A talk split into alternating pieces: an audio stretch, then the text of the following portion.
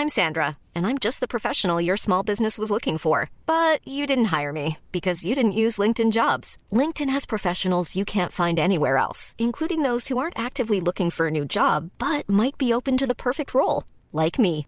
In a given month, over 70% of LinkedIn users don't visit other leading job sites. So if you're not looking on LinkedIn, you'll miss out on great candidates like Sandra. Start hiring professionals like a professional. Post your free job on linkedin.com/people today.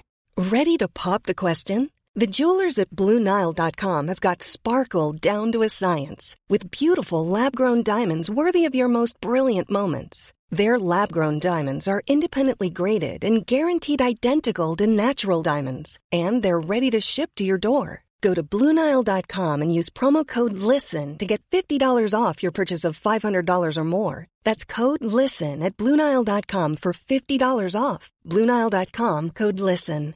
Even when we're on a budget, we still deserve nice things.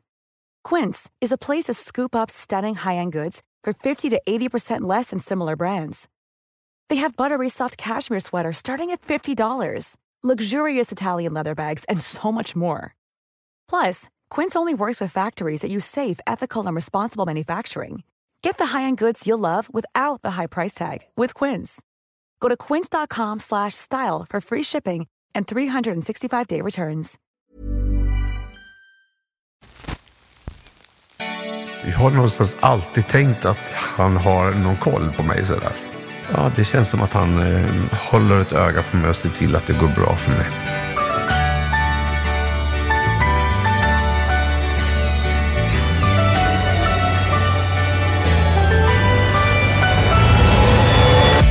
Janne Josefsson har vigt sitt liv åt att på olika sätt jaga sanningen. Oanmäld har han stövlat in i intet ont anande människors liv. Detta jagande har kostat på och idag bor Janne på hemlig adress bakom en skottsäker dörr och tar sällan emot besök. Men det ska det bli ändring på. För i sin hand har Janne precis fått några ledtrådar till vem som just nu närmar sig hans dörr. Välkommen till oväntat besök hos Janne Josefsson. Dagens gäst är PR-konsulten och festfixaren Mikael Bindefeld.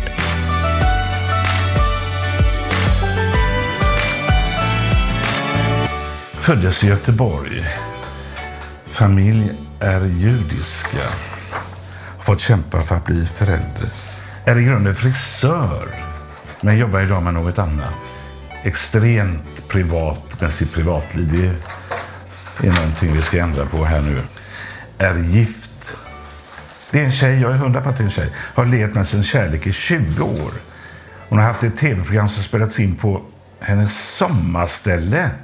Jag känner någon slags eh, att vi är besjälade eller besläktade. Dels för, att, för vårt göteborgska ursprung och sen är vi väl ungefär i samma generation. Och sen så har vi träffats någon gång och det mötet var väldigt, jag tror inte ens han kommer ihåg det, jag tror att det var på en Kristallengala.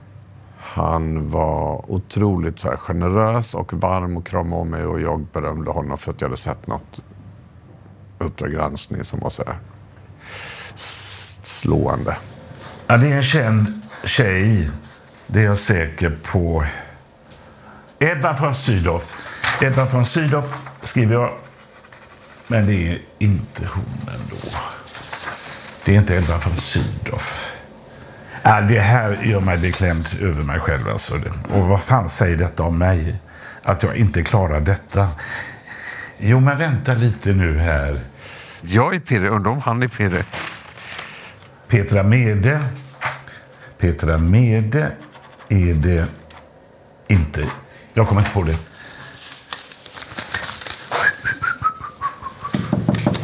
Är det någon som kommer? Ja, jag har inte en aning. Nej, vad bra! Nej men herregud. Nej men detta är inte sant. Detta är inte sant. Jo, det är sant. Och fy fan vad jag... Eh, men jag, jag har tänkt på dig ibland. Har du? Ja, det har jag verkligen gjort. Varsågod. Här är Och, lite- vad roligt. lite fika. Nej men det här kunde jag fan inte komma på. Jag sa ju att det här måste vara en tjej, sa jag liksom. Jag undrar vad ledtrådarna var. Jag ska berätta. Ja, vad kul. Superkul. Och jävlar vad gott.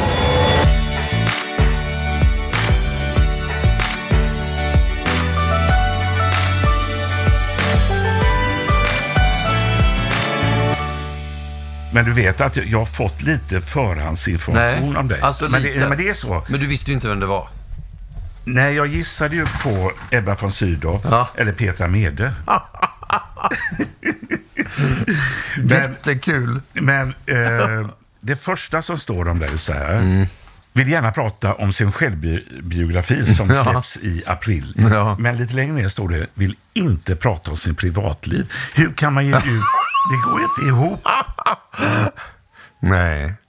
Men vet du, jag har, jag har ju eh, eh, haft otroliga, nästan så här vattentäta skott mellan mitt privatliv och mitt arbetsliv.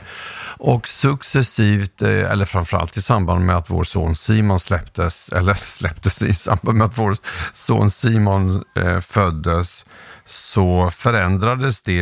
Eh, det var början på en förändring och sen successivt så har jag blivit mer mer öppen och sen har jag faktiskt också känt, eh, med risk för att låta lite pretentiöst, att man har någon typ av ansvar. Alltså delar av mitt liv känner jag att jag kanske kan vara någon inspiratör eller någon typ av förebild eller att jag kan eh, ta, att jag st- står upp för saker. Och i ett samhälle som allt mer håller på att liksom, eh, monteras ned och kraschar ihop så, så, så är det viktigt att människor står upp för saker och, och gör sin röst hörd. Och då har jag några saker som jag tycker är viktiga. Men jag pratar i boken väldigt mycket om allt. Alldeles för mycket. Jag är jätte, jätteorolig. För vad? Nej, det vet jag fan. Orolig för att jag eh, lämnar ut mig själv för mycket. Att jag lämnar ut... Eh, Alltså du är orolig för när boken kommer ut, hur den ska uppfattas? Ja, ja, men det är ju liksom jobbiga saker om familjen och ja, du vet ju själv. du, Jag, Jag, har ju också jag läste inte din bok, Nej, men jag nej. läste ju om den Mm. och eh, det var ju ganska så här, chockerande saker. Mm. Och jätte, jättetuffa saker som du berättar om. Ja.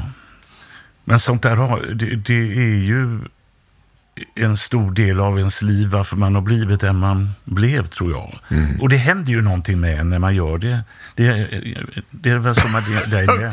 Nej, Men jag har ju levt hela mitt liv i någon slags villfarelse i att jag har trott att jag har varit så sjukt duktig på att själv, självterapeuta, kan man säga så?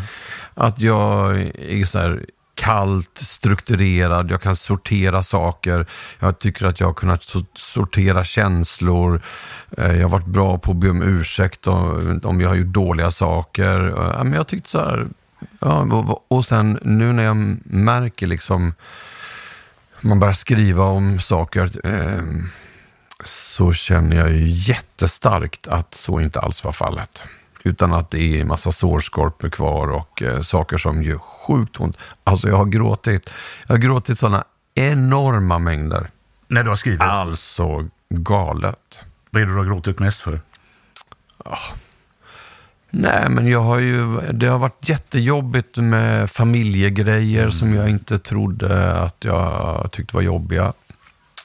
Eh, min mammas Alzheimer, när jag skriver om det så tycker jag fortfarande varje gång jag läser där jag fasar för att jag ska läsa in ljudboken och behöva sitta i en studio och böla. Eh, när Simon föddes så längtade han efter liksom att skaffa barn och hur det gick till och allt där omkring.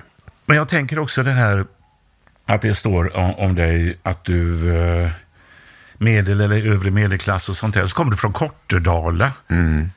Du vet, eh, Hisingen och Biskopsgården och Kortedala, det var ju liksom Ja. eh, de ökända förorterna när jag växte upp. Nej. Jo, men Kortedala var väl inte sådär väldigt eh, välsett. Nej, men när vi flyttade dit, Kanske Eh, var jättebra. ja, då var det ju liksom en av eh, Göteborgs första förorter. Ja, så är det. Och det var ju eh, så här, eh, ri, så här, p- program liksom Mm, med stora grönområden och stora parker och eh, nära för eh, hemmafruarna att gå och handla. Det skulle vara olika torg där man kunde gå och handla och köpcentra och sådär. Ja. Vet, vet du på riktigt att jag inte varit här sedan 1976? Varför inte? Jag åkte till USA, jag skulle plugga i USA 1976, bodde i en amerikansk familj och när jag kom hem under det året så flyttade min familj till eh, Seminariegatan i Annedal. Det fanns liksom ingen anledning för mig att åka till, eh, varför skulle jag åka till Kortedala? Jag hade inga kompisar där, jag hade nästan aldrig haft några kompisar där. Varför inte det? Nej, men jag passade inte riktigt in där. Jag var ganska... Ja, men jag var, hade liksom en egen identitet och lite mobbad. Och hade liksom andra nätverk och andra plattformar där jag hade massor med kompisar. Så att jag var ju oerhört aktiv i massa olika föreningar. Jag var jätteaktiv i eh, eh, något som heter CISV, Children's International Summer Villages. Eh, och reste med dem. Som, du vet, som 11-åring så var jag i Holland. Alltså, det var massa Själv alltså? utbyten. Och, ja.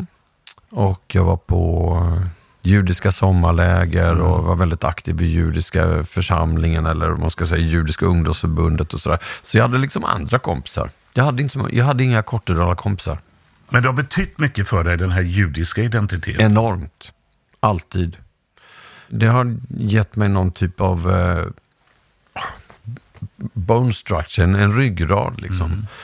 Där jag har känt en tillhörighet och en samhörighet och en identitet och att, att vara del av en sån kultur och ett, ett folk med tusenåriga traditioner. Det är klart att det, det ger liksom en trygghet. Jag, har alltid känt mig väldigt identifierad som jude. Svensk, men jude. Stolt. Enormt. Eh, och eh, viker mig inte och kröker mig inte för, det, för någon för det. Nej. Utan det står jag upp för.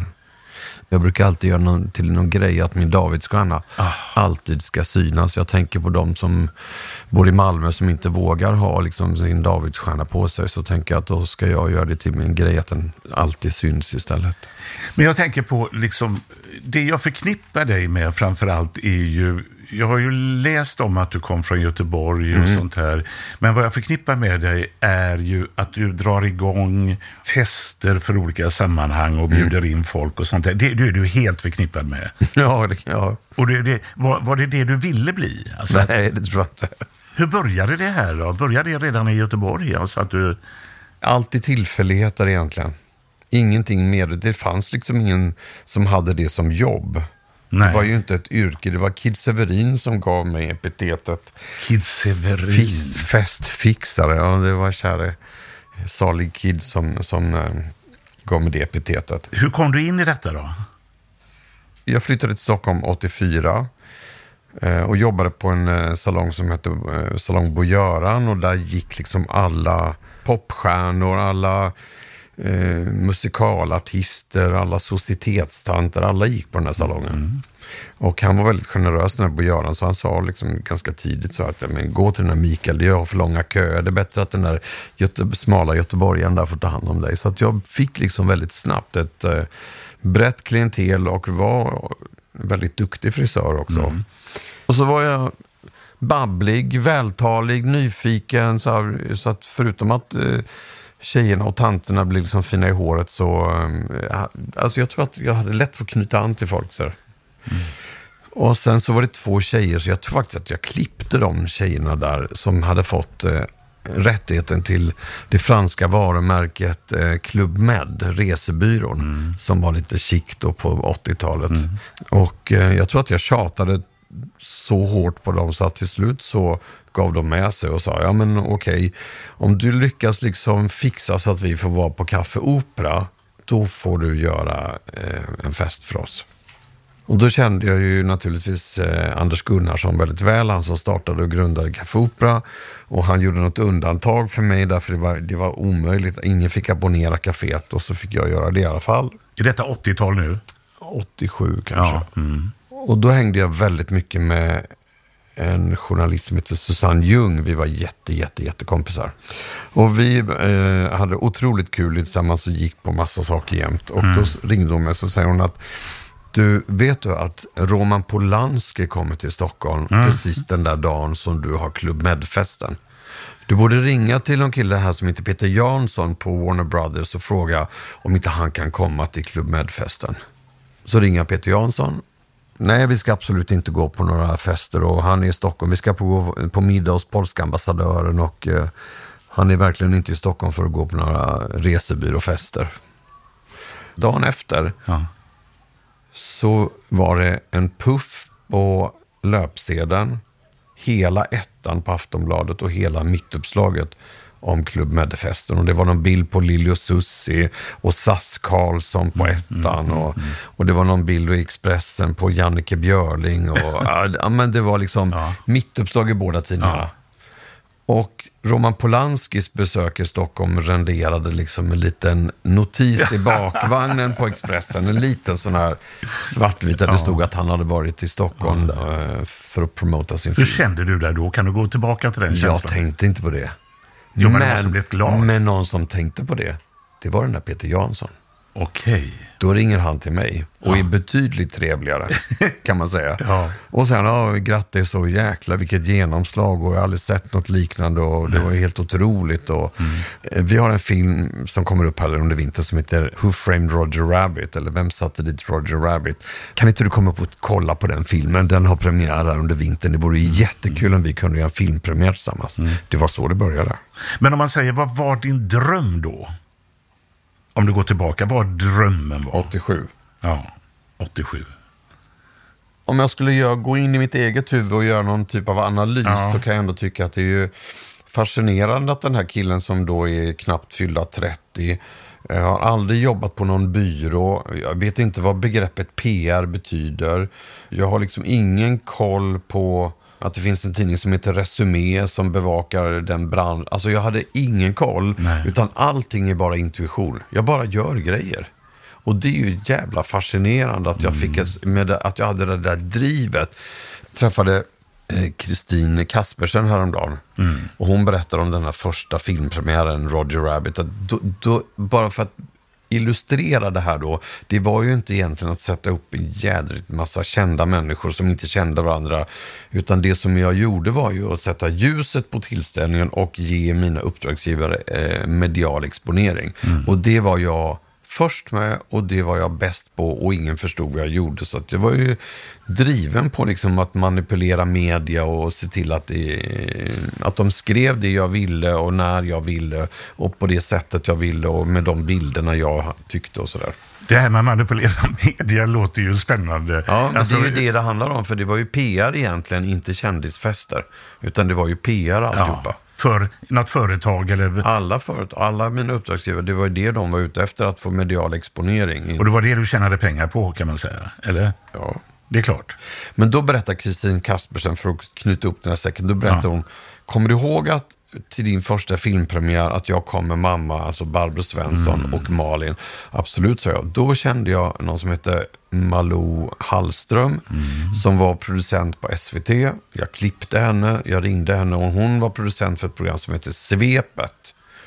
Och då pratade jag med Malou jättemycket och sa att jag har världens idé inför den här filmpremiären. Vore det inte sjukt roligt om tittarna fick följa med på en kändispremiär?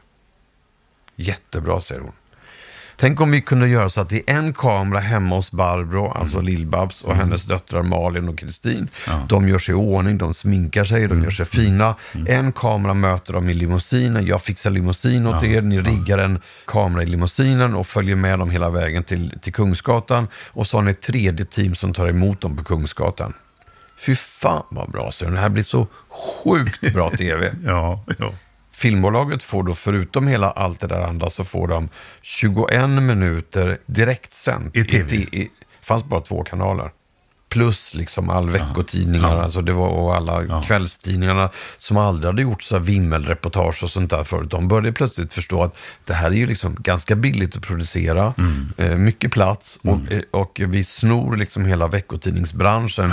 Alla de där hår, vad heter det, salongstidningarna. Tanterna kommer kastas över de här kvällstidningarna. Så det blev, jag var ju med och förändrade ja, den bilden. Och det är ju, alla de här sakerna gjorde ju då att eh, när man pratade om mig eller när man anlitade mig så Mm. var det egentligen inte för att få dit kända människor primärt, utan det var ju för att få ett redaktionellt genomslag. Känner du att du någon gång gick över några gränser?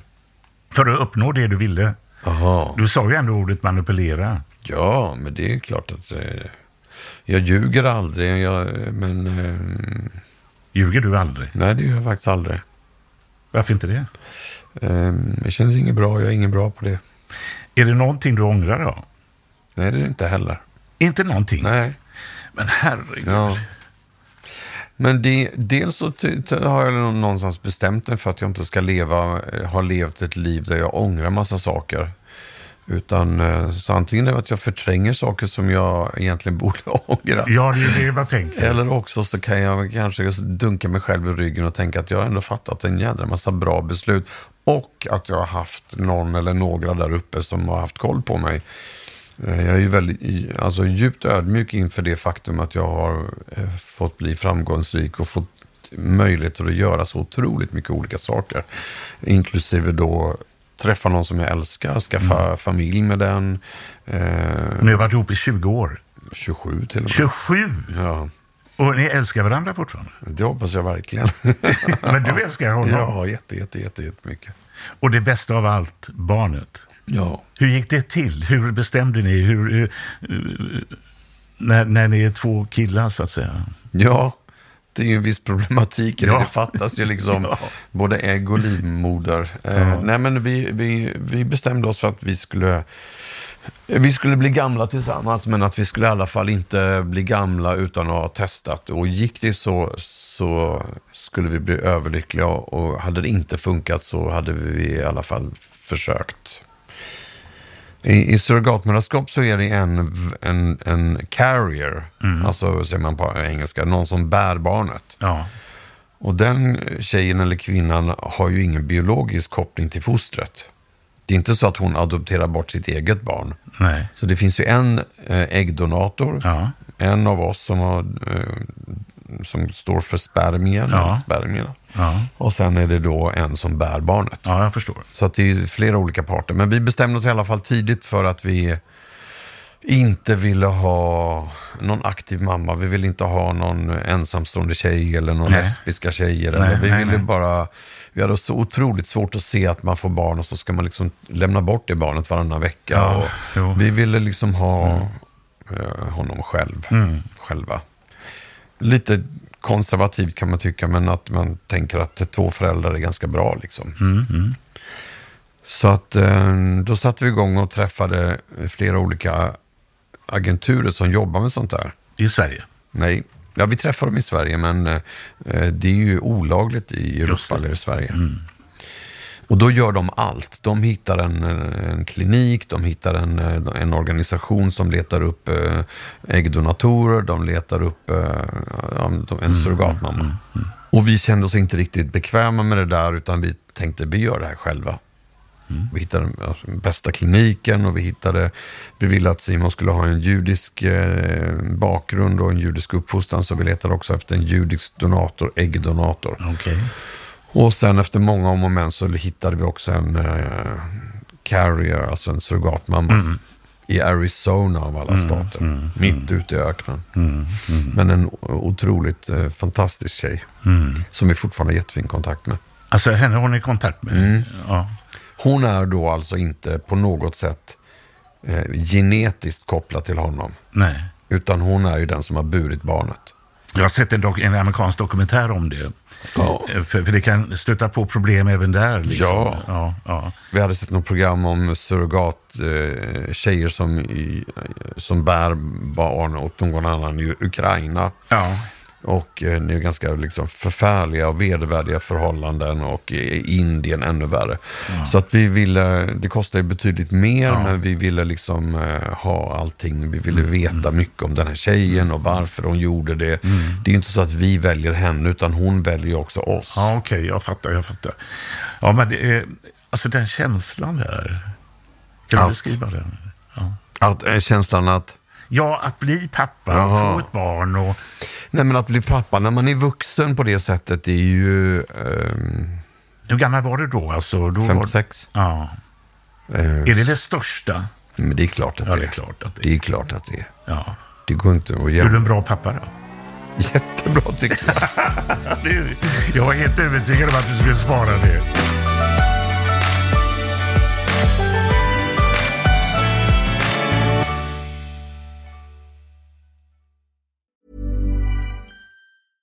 Ready to pop the question? The jewelers at BlueNile.com have got sparkle down to a science with beautiful lab grown diamonds worthy of your most brilliant moments. Their lab grown diamonds are independently graded and guaranteed identical to natural diamonds, and they're ready to ship to your door. Go to BlueNile.com and use promo code LISTEN to get $50 off your purchase of $500 or more. That's code LISTEN at BlueNile.com for $50 off. BlueNile.com code LISTEN.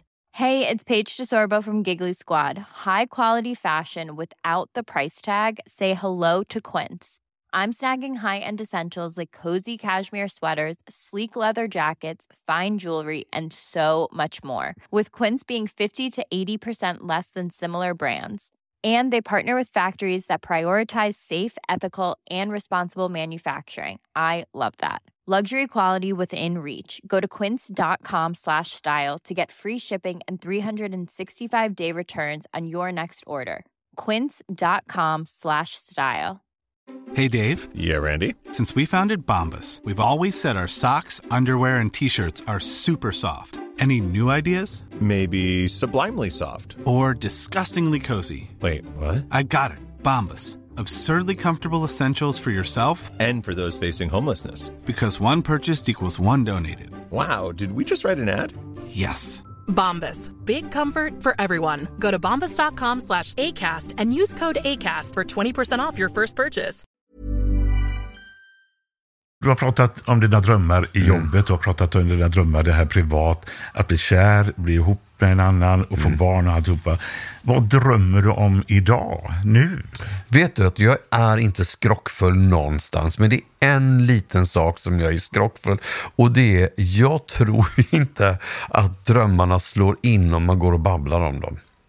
Och det där kom när jag flyttade till Stockholm, kom, tror jag faktiskt. Därför då träffade jag plötsligt så mycket folk. Så, så där var inte folk i Göteborg. Men i Stockholm var folk så här, att de skröt om saker så här. Jag håller på med det och nu ska jag göra det och snart ska jag vara med i den här filmen och snart håller jag... Eh, du vet, de skröt Mm. om saker som sen aldrig blev av. Ja. Och då, då bestämde jag mig, för jag kommer aldrig någonsin berätta om någonting jag jobbar med förrän allt är färdigt. Aldrig, jag berättar inte för någon om idéer eller visioner eller någonting. Därför Inte för din familj heller? ja, men Niklas berättar Ja, jag allt för, ja, men, nej, mm. men i övrigt inte. Nej, Nej, nej, nej. Därför att jag tror på något, det blir lite någon skräckgrej. Jag tror inte att det blir av. Jag förstår din tanke det här att eh, manifesterar man drömmen och berättar om den så kommer den inte kanske förverkligas för det blir fel. Men rädsla då? Andra sidan, drömmen där, rädslan, vad, vad, vad är du rädd för då? Men ganska uppenbara saker som man är rädd för att de som står en nära ska bli sjuka Ja. eller att man själv ska bli liksom långvarigt sjuk eller vara till belastning eller eh, att man inte kan ta hand om sig själv. Det, det är ju sådana tankar som kommer när man blir äldre. Eh, I övrigt så tror jag inte att jag är rädd för så mycket sådär. Jag är ganska sådär tuff tycker jag. Jag tycker att jag är ganska tuff. Ja. Nej, men jag har ju sagt det någon gång att om inte jag känner att jag kan bo kvar i det här landet med min, eh, eller vi då eftersom min son också är jude, eller vår son, då, eh, då har ju vi ett annat land att flytta till. Så att eh, alla judar har ju möjlighet att flytta till Israel, så då får, då får jag skaffa mig ett annat medborgarskap. För jag tänker liksom inte bo någonstans och vara rädd. Jag har ju varit med och gjort program om vissa judar i Malmö som har varit väldigt, väldigt skraja och till och med flyttat. Det finns nästan, i, alltså den judiska församlingen i Malmö är ju i, i princip utraderad. De har ju flyttat till Köpenhamn eller till Frankrike eller till Israel. Eller Stockholm. Men den är ju, den är ju hårt decimerad. Vad händer i Malmö då? Eller vad har hänt? Nej men det är ju att vi har, eh, alltså den antisemitismen som finns i Malmö, den är ju grund, den kommer ju från eh, nya svenskar som kommer från andra länder där man har liksom statsfinansierad antisemitism eller ett Israelhat. Och att Ingmar Reepalu tillät eh, eh, att man drog en parallell mel- mellan eh, svenska judar som har bott här i hundratals år och staten Israels politik. Eh, och att vi på något sätt som svenska judar skulle ta ansvar för och håll, hålla stå till svars för vad man gjorde i Israel. Det var väl det som började och sen så tog man inte, mötte man inte upp liksom i, i tid, utan man lät det där gro. Men han tog väl tillbaka, jag har träffat Ja, honom han flera sa gånger. två eller tre gånger sa han samma sak. Ni får skylla er själva, tror jag han sa. De får skylla sig själva. Ja, det, är ju den här, det är ju en jätteviktig distinktion det här att man, man har rätt att kritisera staten Israel och vad de gör. Men man kan ju inte försvara eh, antisemitismen och hat mot judar i sig. Och det var det han inte riktigt gjorde menar du? Verkligen inte. Kan du göra den skillnaden? Absolut. Ja. Men det gör väl de hundratusentals eh, eh, Tel Aviv-bor som är ute och demonstrerar varenda jäkla dag i- mot Netanyahu. Så, att- så att, eh, och så, jag måste bara säga så här, det, det, en av de sakerna, om det är så att vi har någonting som utmärker oss som folk, Ja. så är det faktiskt just det här som vi pratar om nu. Och vet du vad det är? Det är att vi kommer från en kultur där vi uppmanas att ifrågasätta, kritisera och eh, kräva ansvar från, av allt. Vi uppmanas, till och med Gud. Det finns liksom ingen religion som är mindre dogmatisk än den judiska religionen. Vi uppmanas att ifrågasätta eh, våra föräldrar eh, alltså att, och av det så ska man lära sig. Så att det är inte så att vi är inordnade i något system där man ska vi har inte någon påve som talar om för oss vad vi ska tycka och Nej, tänka. jag förstår. Har du själv märkt av det, antisemitismen? Har du, har du fått någon kommentar eller något? Eh. Nej, men jag var retad för ganska mycket, mycket olika saker när jag var barn eller liten, men aldrig just för att jag var jude. Det, det tyckte de var ganska spännande i skolan och sådär. Ja. Mycket tack vare min mamma. Mamma var ju väldigt eh, uppmuntrade oss, mig och min bror, att prata om det och eh, Eh, när vi skulle fira Pesach, den judiska påsken, då ringde mamma till klassföreståndaren och så sa hon att nu eh, nästa vecka så firar Mikael och, hela, och, och alla judar eh, påsk och då skulle Mikael gärna vilja eh, hålla ett litet anförande inför klassen och berätta om uttåget ur Egypten. Nej. Och sen fick, så fick alla äta lite här osyrat bröd som vi äter på påsk, matse och sådär. Och de lyssnade på dig?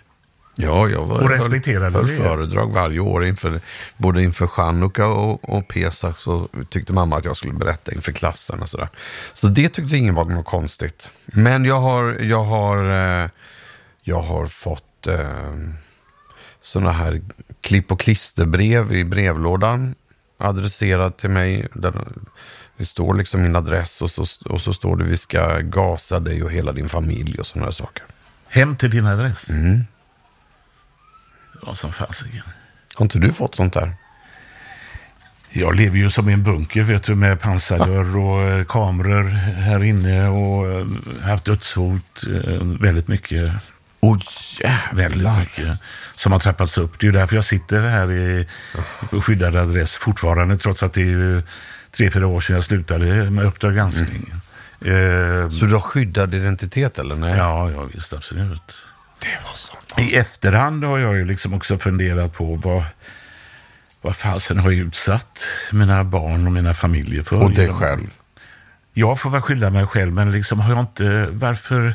Men å andra sidan, vad fan skulle jag ha gjort? Skulle jag bara lagt ner och Mm. sittat och gjort eh, saker som jag inte vill göra? Det går Men du, det måste nu bli så otroligt nyfiken. Nu måste jag fråga dig massa saker. Har SVT stått upp och supportat dig? Och... ja, ja, ja. Har de det? De har finansierat eh, vakter och, eh, och eh, när jag har haft vakter, som jag har haft flera gånger, så eh, är det ju inte lätt här. eh, Och det har jag sagt till vakterna, ni får sitta i bilen. Kom upp när vi pinkar, kom upp och drick kaffe och knacka på när ni vill. Men jag, jag kan inte här, liksom i en trerummare, eh, ha två gubbar som sitter dygnet runt. Det, det går inte att leva så. Nej. Men de har varit väldigt förstående och sånt där. Men eh, då är det ju grannar som har klagat att på vintertid så har de ju fått eh, sätta på eh, bilen för att få värme i bilen och sånt där. Och anklagar de mig för eh, liksom det. Och så här. Men det, är, det här har ju eskalerat med åren. Vilket Och, pris du har fått betala. Ja, är, Men nu när du ja. inte gör Uppdrag granskning längre, Ja. är hoten kvar? Nej, jag har ingen aktuell hotbild nu. Men det kan ju komma fram folk på stan och liksom tycker till sådär av en jävla program, det borde ha en jävla snyting och sånt där. Men där är jag aldrig rädd för jag kan snacka mig ur de där situationerna och sånt där.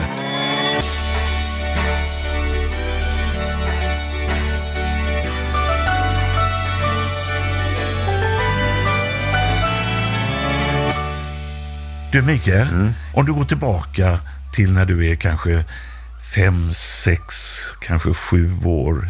När du kände en sån där oerhörd tillfredsställelse i dig. Kan du minnas det? Kan du minnas någon sån stund? Ja. Kan du berätta om det? Det kan jag absolut göra. Jag hade ju en väldigt speciell relation med min morfar. Jag älskade min morfar. Och jag var inte så himla gammal när han gick bort. Men han hade en eh, stor liksom, inverkan på mig. Jag tror att jag har fått mycket, mycket av det som jag har blivit duktig på tror jag kommer från morfar. De gröna fingrarna, kärleken till odlandet. Morfar och pappa hjälpte mig att bygga ett växthus. Då var jag kanske fem när jag fick mitt eget växthus. Väldigt enkelt. men, Så att, och morfar lärde mig att skala räkor och gick till Feskekörka och köpte räkor. Och morfar och jag vi la in eh, saltgurkor och han var en jäkel på att laga mat. Och, och han behandlade mig som en liten vuxen, inte som barn, utan jag var liksom hans kompis. Och eh, jag har någonstans alltid tänkt att, att han har någon koll på mig sådär. Fortfarande? Ja, men jag, det är klart att han inte har, men jag kände liksom att ja, det känns som att han eh, har, håller, håller ett öga på mig och ser till att det går bra för mig. Vad jobbade han med? Eh, han hade en eh, herrekiperingsbutik. Otroligt... Eh, I Göteborg? Ja. Ja. Och var väldigt, eh, eh, väldigt duktig på, liksom, han fick priser för så här, snyggaste skyltfönstret och textade väldigt vackert. Och, Om du går framåt till nu, mm. skulle du kunna beskriva när du får samma känsla, om det går? Den kan inte ja, repet- jag behöver inte ens tänka. Ja. Det är ju när jag står med Simon och håller på med tomatplantorna nu på, på, fr- på morgnar varje morgon. Och han sa, pappa de har vuxit lite och titta på den här och den här plommontomaten, nu måste vi plantera om den. Och, och när ska de få flytta ut till Aspvik? Och, ja, då känner jag likadant. Att få ge det tillbaka liksom. Men han är ju, hur gammal han är nu? Sex. Ja, det är klart, det är ju ungefär som... Ja, det är precis. Så är det. Är du en lycklig människa? Ja, jag är oförskämt lycklig. Och väldigt tacksam över det och tar, inte, tar inte någonting för givet sådär utan är väldigt ödmjuk inför att eh, mycket har gått bra. Att jag har fått, eh, har haft ett bra liv liksom. Tack för att du kom. Tack för att jag fick komma. Och hem till dig. Ja, Ja, jag, borde, jag borde ju fan ha kommit på det här.